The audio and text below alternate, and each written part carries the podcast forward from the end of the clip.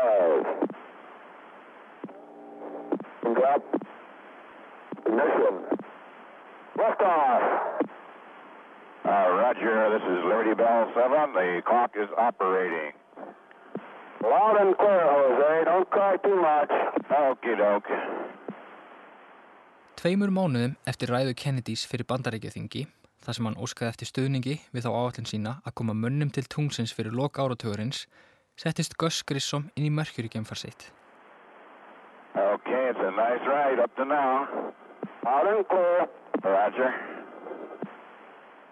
En höfðu bandaríkin ekki náða að koma sér upp nógu öfluri eldflög til að senda mann á spórbrutum jörðina, svo geimferð Grissoms átti að vera nánast endurtekning á 15 mínútna geimferð Alan Shepard. Gus Grissom var lágvaksnastur geimfarana 7, en sennilega sá sem var hvað hæfastur. Hann hafði flóið herþótum í kóriustriðinu, en gerist eftir það fyrstaflokks tilrunaflugmaður. Grissom hafði nefnt geimfarið sitt Liberty Bell 7 eftir frelsispjöllunni í Fíladelfíu sem sagt var að hefði hringt daginn sem bandaríkinu eruðu sjálfstæði þjóð þann 4. júli árið 1776 þó trúsaga sé reyndar ekki sönn. Eitt munur var þó geimförum Grissoms og Sheppards. Á geimfari Grissoms var lúa með sprengiboltum. Lúan átt að gera geimfarunum kleift að yfirgefa geimfarið hratt og öruglega í neðartilvikum. Áður þurfti geimfarin sjálfur að opna lúuna og gat þá tekið nokkra stund. Grissom var skotið á loft í Liberty Bell 7 þann 21. júli 1961. Hann ferðaðist 486 km og náði mest 190 km hæð. Ferðin stóð yfir í rúmar 15 mínútur og allt gekkað úskum þar til Grissom var lendur á Allandshafi. Þar sem Grissom beigð eftir að þyrlan kæmi og sætti sig, sprakk lúan skindilega af geimfarinu. Sjór tók að flæða inn í farið sem byltist fram og aftur í ókjöru hafinu. Grissom reyf af sér hjálminn og flýtti sér út. Hann var ekki neinu björgunuvesti og reyndi að halda sér á floti í sjónum. Þyrlan kom á staðin en jók aðeins á öldugangin. Búningur Grissoms var smám saman að fyllast á sjó. Þyrluflugmenninir sáu ekki að Grissom barðist við að halda sér á floti og á lífi og reyndi að ná Liberty Bell 7 áður en það fylltist af sjó. Grissom reyndi hvaðan gat að ná aðtegli þyrluflugmennina sem sögðu síðar að þeim hafi sínstan hafa notið þess að svamla í sjónum. Þyrlan náði taki á geimfarinu en þingdin var þannig slík að illa gekk að lifta því upp úr sjónum. Vélinn í þyrlinni var um það byrjað ofitna þegar ákveði var að losa geimfarið af sem sökka eins og steinn niður á næstum 5 km dýpi í hafinu skamt undan strönd Flórida. Þyrlan flög svo burt en það var hætta á að hún hrapaði sjóin eftir átökinn við geimfarið. Grissom var döið uppgefin og nærði því druknaður þegar önnur þyrla kom á staðinn. Aðeins höfuð hans stóði upp úr sjónum þegar þyrlan hýfði hann upp og flutti á flugmáðskipið skamt frá. Grissom var ekki beinlinnins fagna sem þjóðhetju við heimkomuna.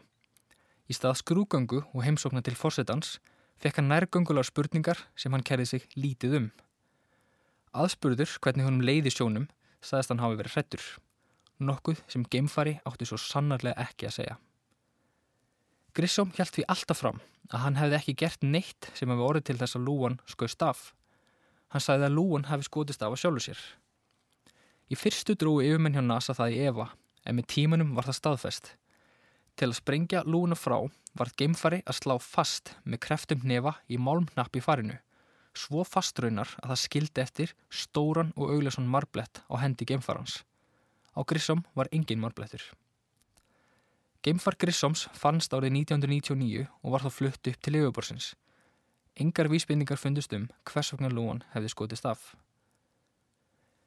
Grissom leti ekki það sem kom fyrir Liberty Bell 7 hafa mikil áhrif á sig. Um þetta leiti var NASA farið að huga að næstu geimaállun, Gemini geimaálluninni, þar sem prófa átti alla helstu þætti tungferðar. Grissom var staðráðin í að fara aftur út í geimin og ætlaði sér fyrsta Gemini leiðangurinn. Á sama tíma hófst hönnun á Apollo geimfarinu og eftir vandræði Grissoms með lúuna í Mercury farinu ákvaði menn að breyta hönnuninni og láta lúuna í Apollo opnast inn á við. Það átti síðar eftir að reynast Grissom örlegaríkt. Að lokum var Grissom fyrsti bandarækjumadurinn sem fór tvísvar út í geiminn og þótti líklegastur til að stýra fyrstu tungferðinni. Þótt Grissom hafi beint aðtegli sinni að geiminni áttu bandarækjumenn enn eftir að senda fyrsta geimfaran sinn á braud um jörðina. Sáleðungur fjalli skaut elsta geimfara hópsins, John Glenn. Innan við þremur vikum eftir geimferð Grissoms bárust fréttir af nýjasta afriki sovjetmanna. Þann 7. ágúst 1961 sendu sovjetmenn hinn 26 ára gamla German Titov út í geiminn en hann er enn í dag yngsti maðurinn sem farið hefur í geimferð. Titov fór 17 ringi um hverju sjörðina á rétt rúmum sólurring. Ferðin tóks með miklum ágetum fyrir utan að Titov var fyrsti maðurinn sem varð veikur í geimnum.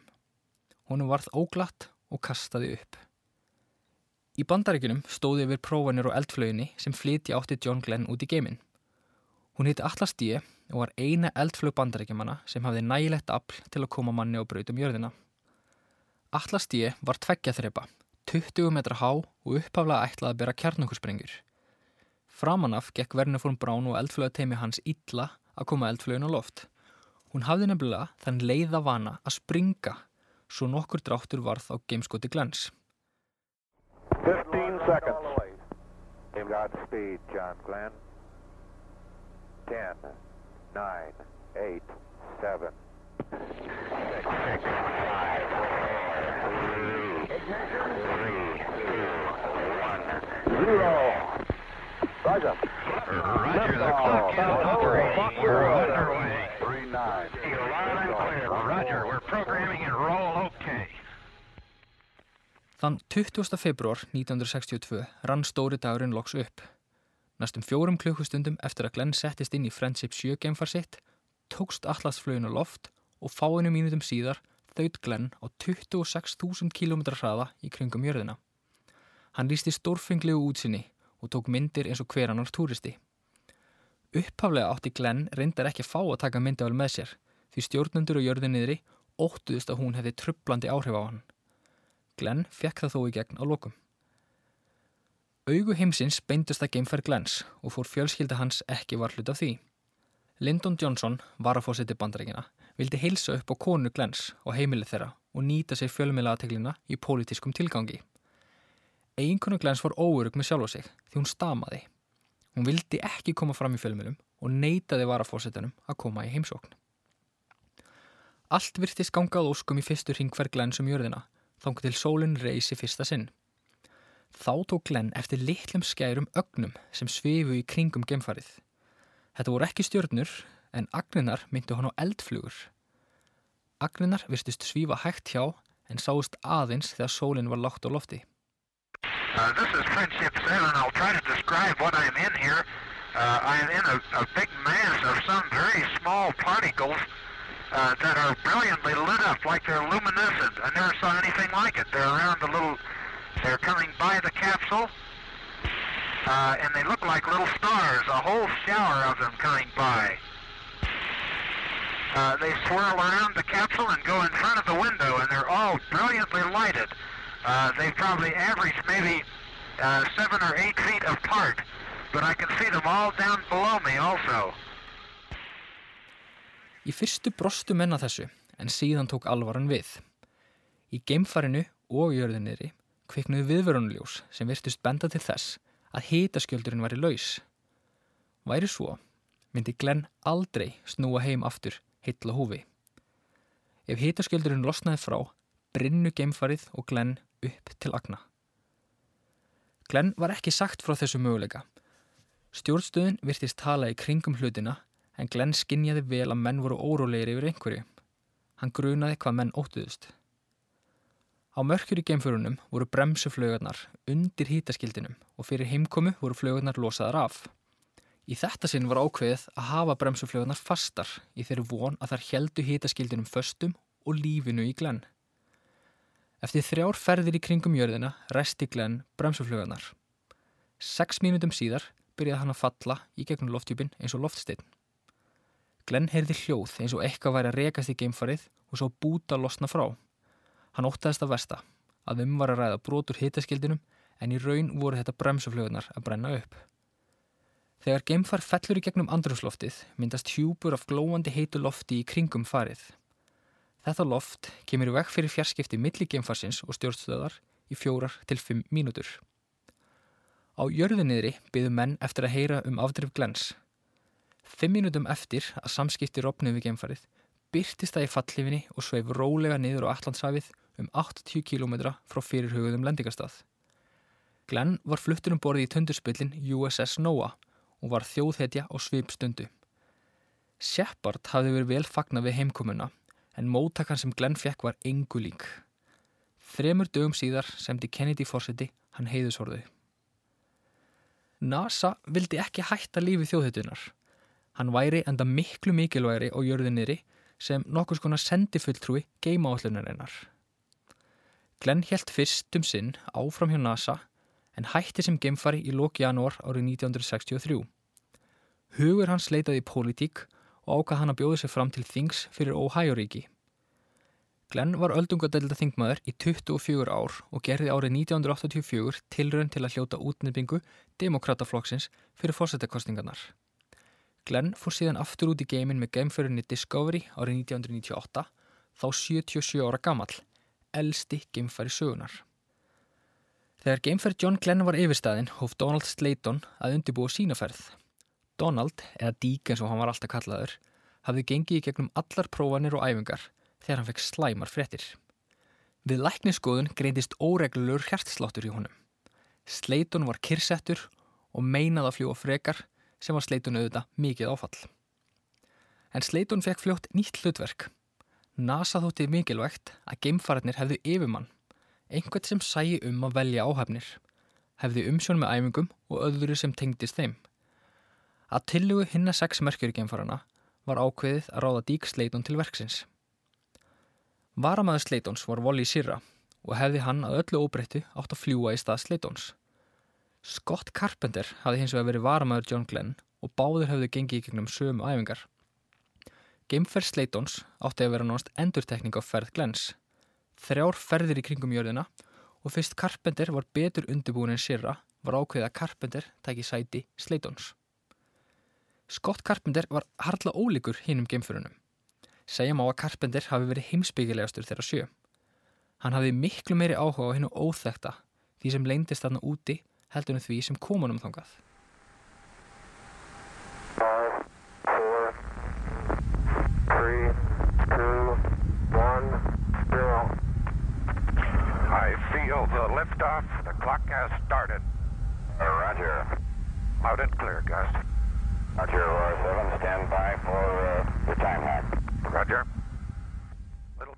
Þann 7. mars 1962 var Aurora 7 geimfari Carpenters skotið á loft.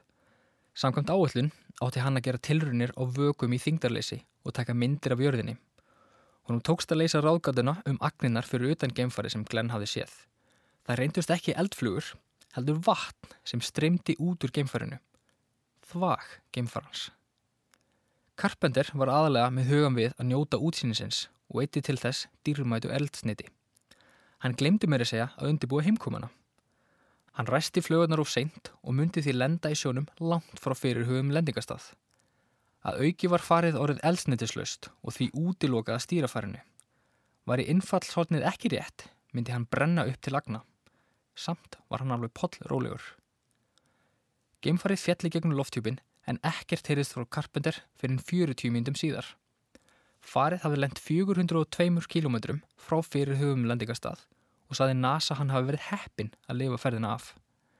Carpenter let sér þó fátum finnast og fekk líklega meira úr sinni geimferð en allir hinir geimfaraðnir. NASA sá hins vegar til þess að Carpenter fari aldrei aftur út í geimin. Tæmum þremmu mánum síðar unnu sovjetmenn enn eitt afregið í geimnum þegar tvö somvés geimfur, Vostok 3 og Vostok 4, mættust á brautum jörðina.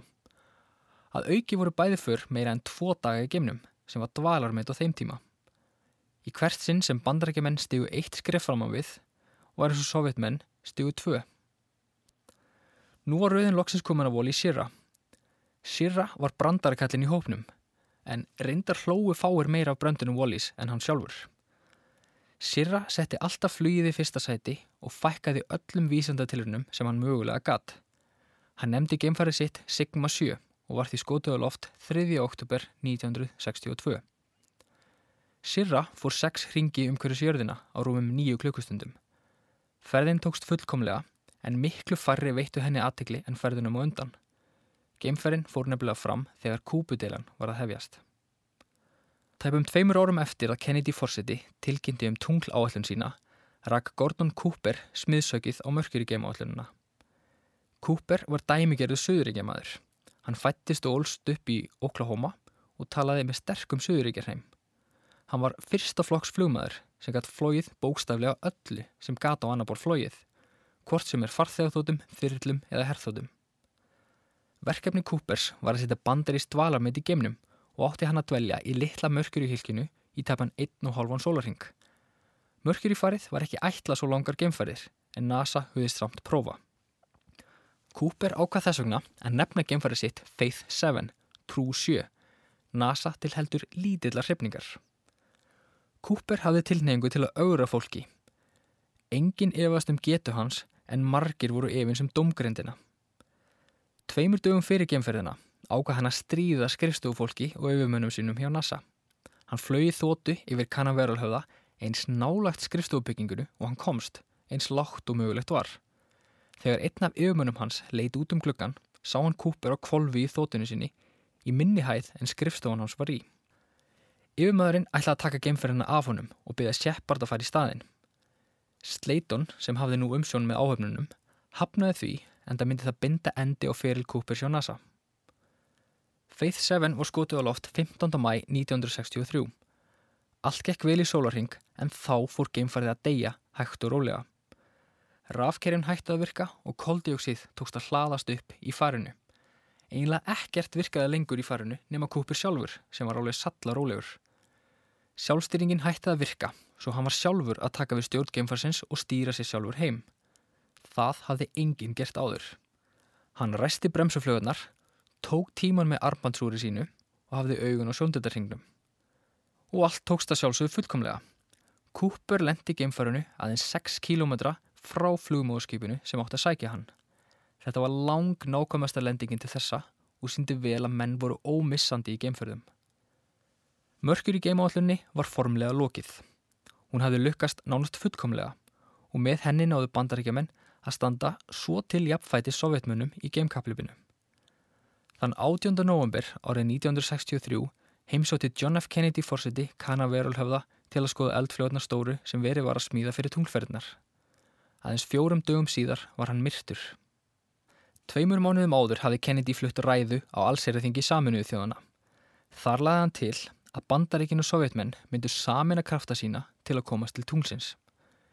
Nikita Khrushchev hafnaði þeirri hugmynd Kennedys en skiptum skoðun nokkrum vikum síðar þegar hann sá að báðar þjóðir hefðu mikinn hag á því. Khrushchev ætlaði að samþykja búið Kennedys þegar Kennedy var myrtur. Morðið á Kennedy var bandaríkjumunum mikið áfall. Margir óttuðist líka að með honum dægi tunglferðar áallunin. Í stað Kennedys kom Lyndon Johnson en hann var síst minnið aðdándi geimferða en Kennedy. Morðið sannfærði mennu mikilvægi þess að ná tímamörkunum sem Kennedy hafði sett, að koma manni til tunglsins áður en áratúrin var í úti.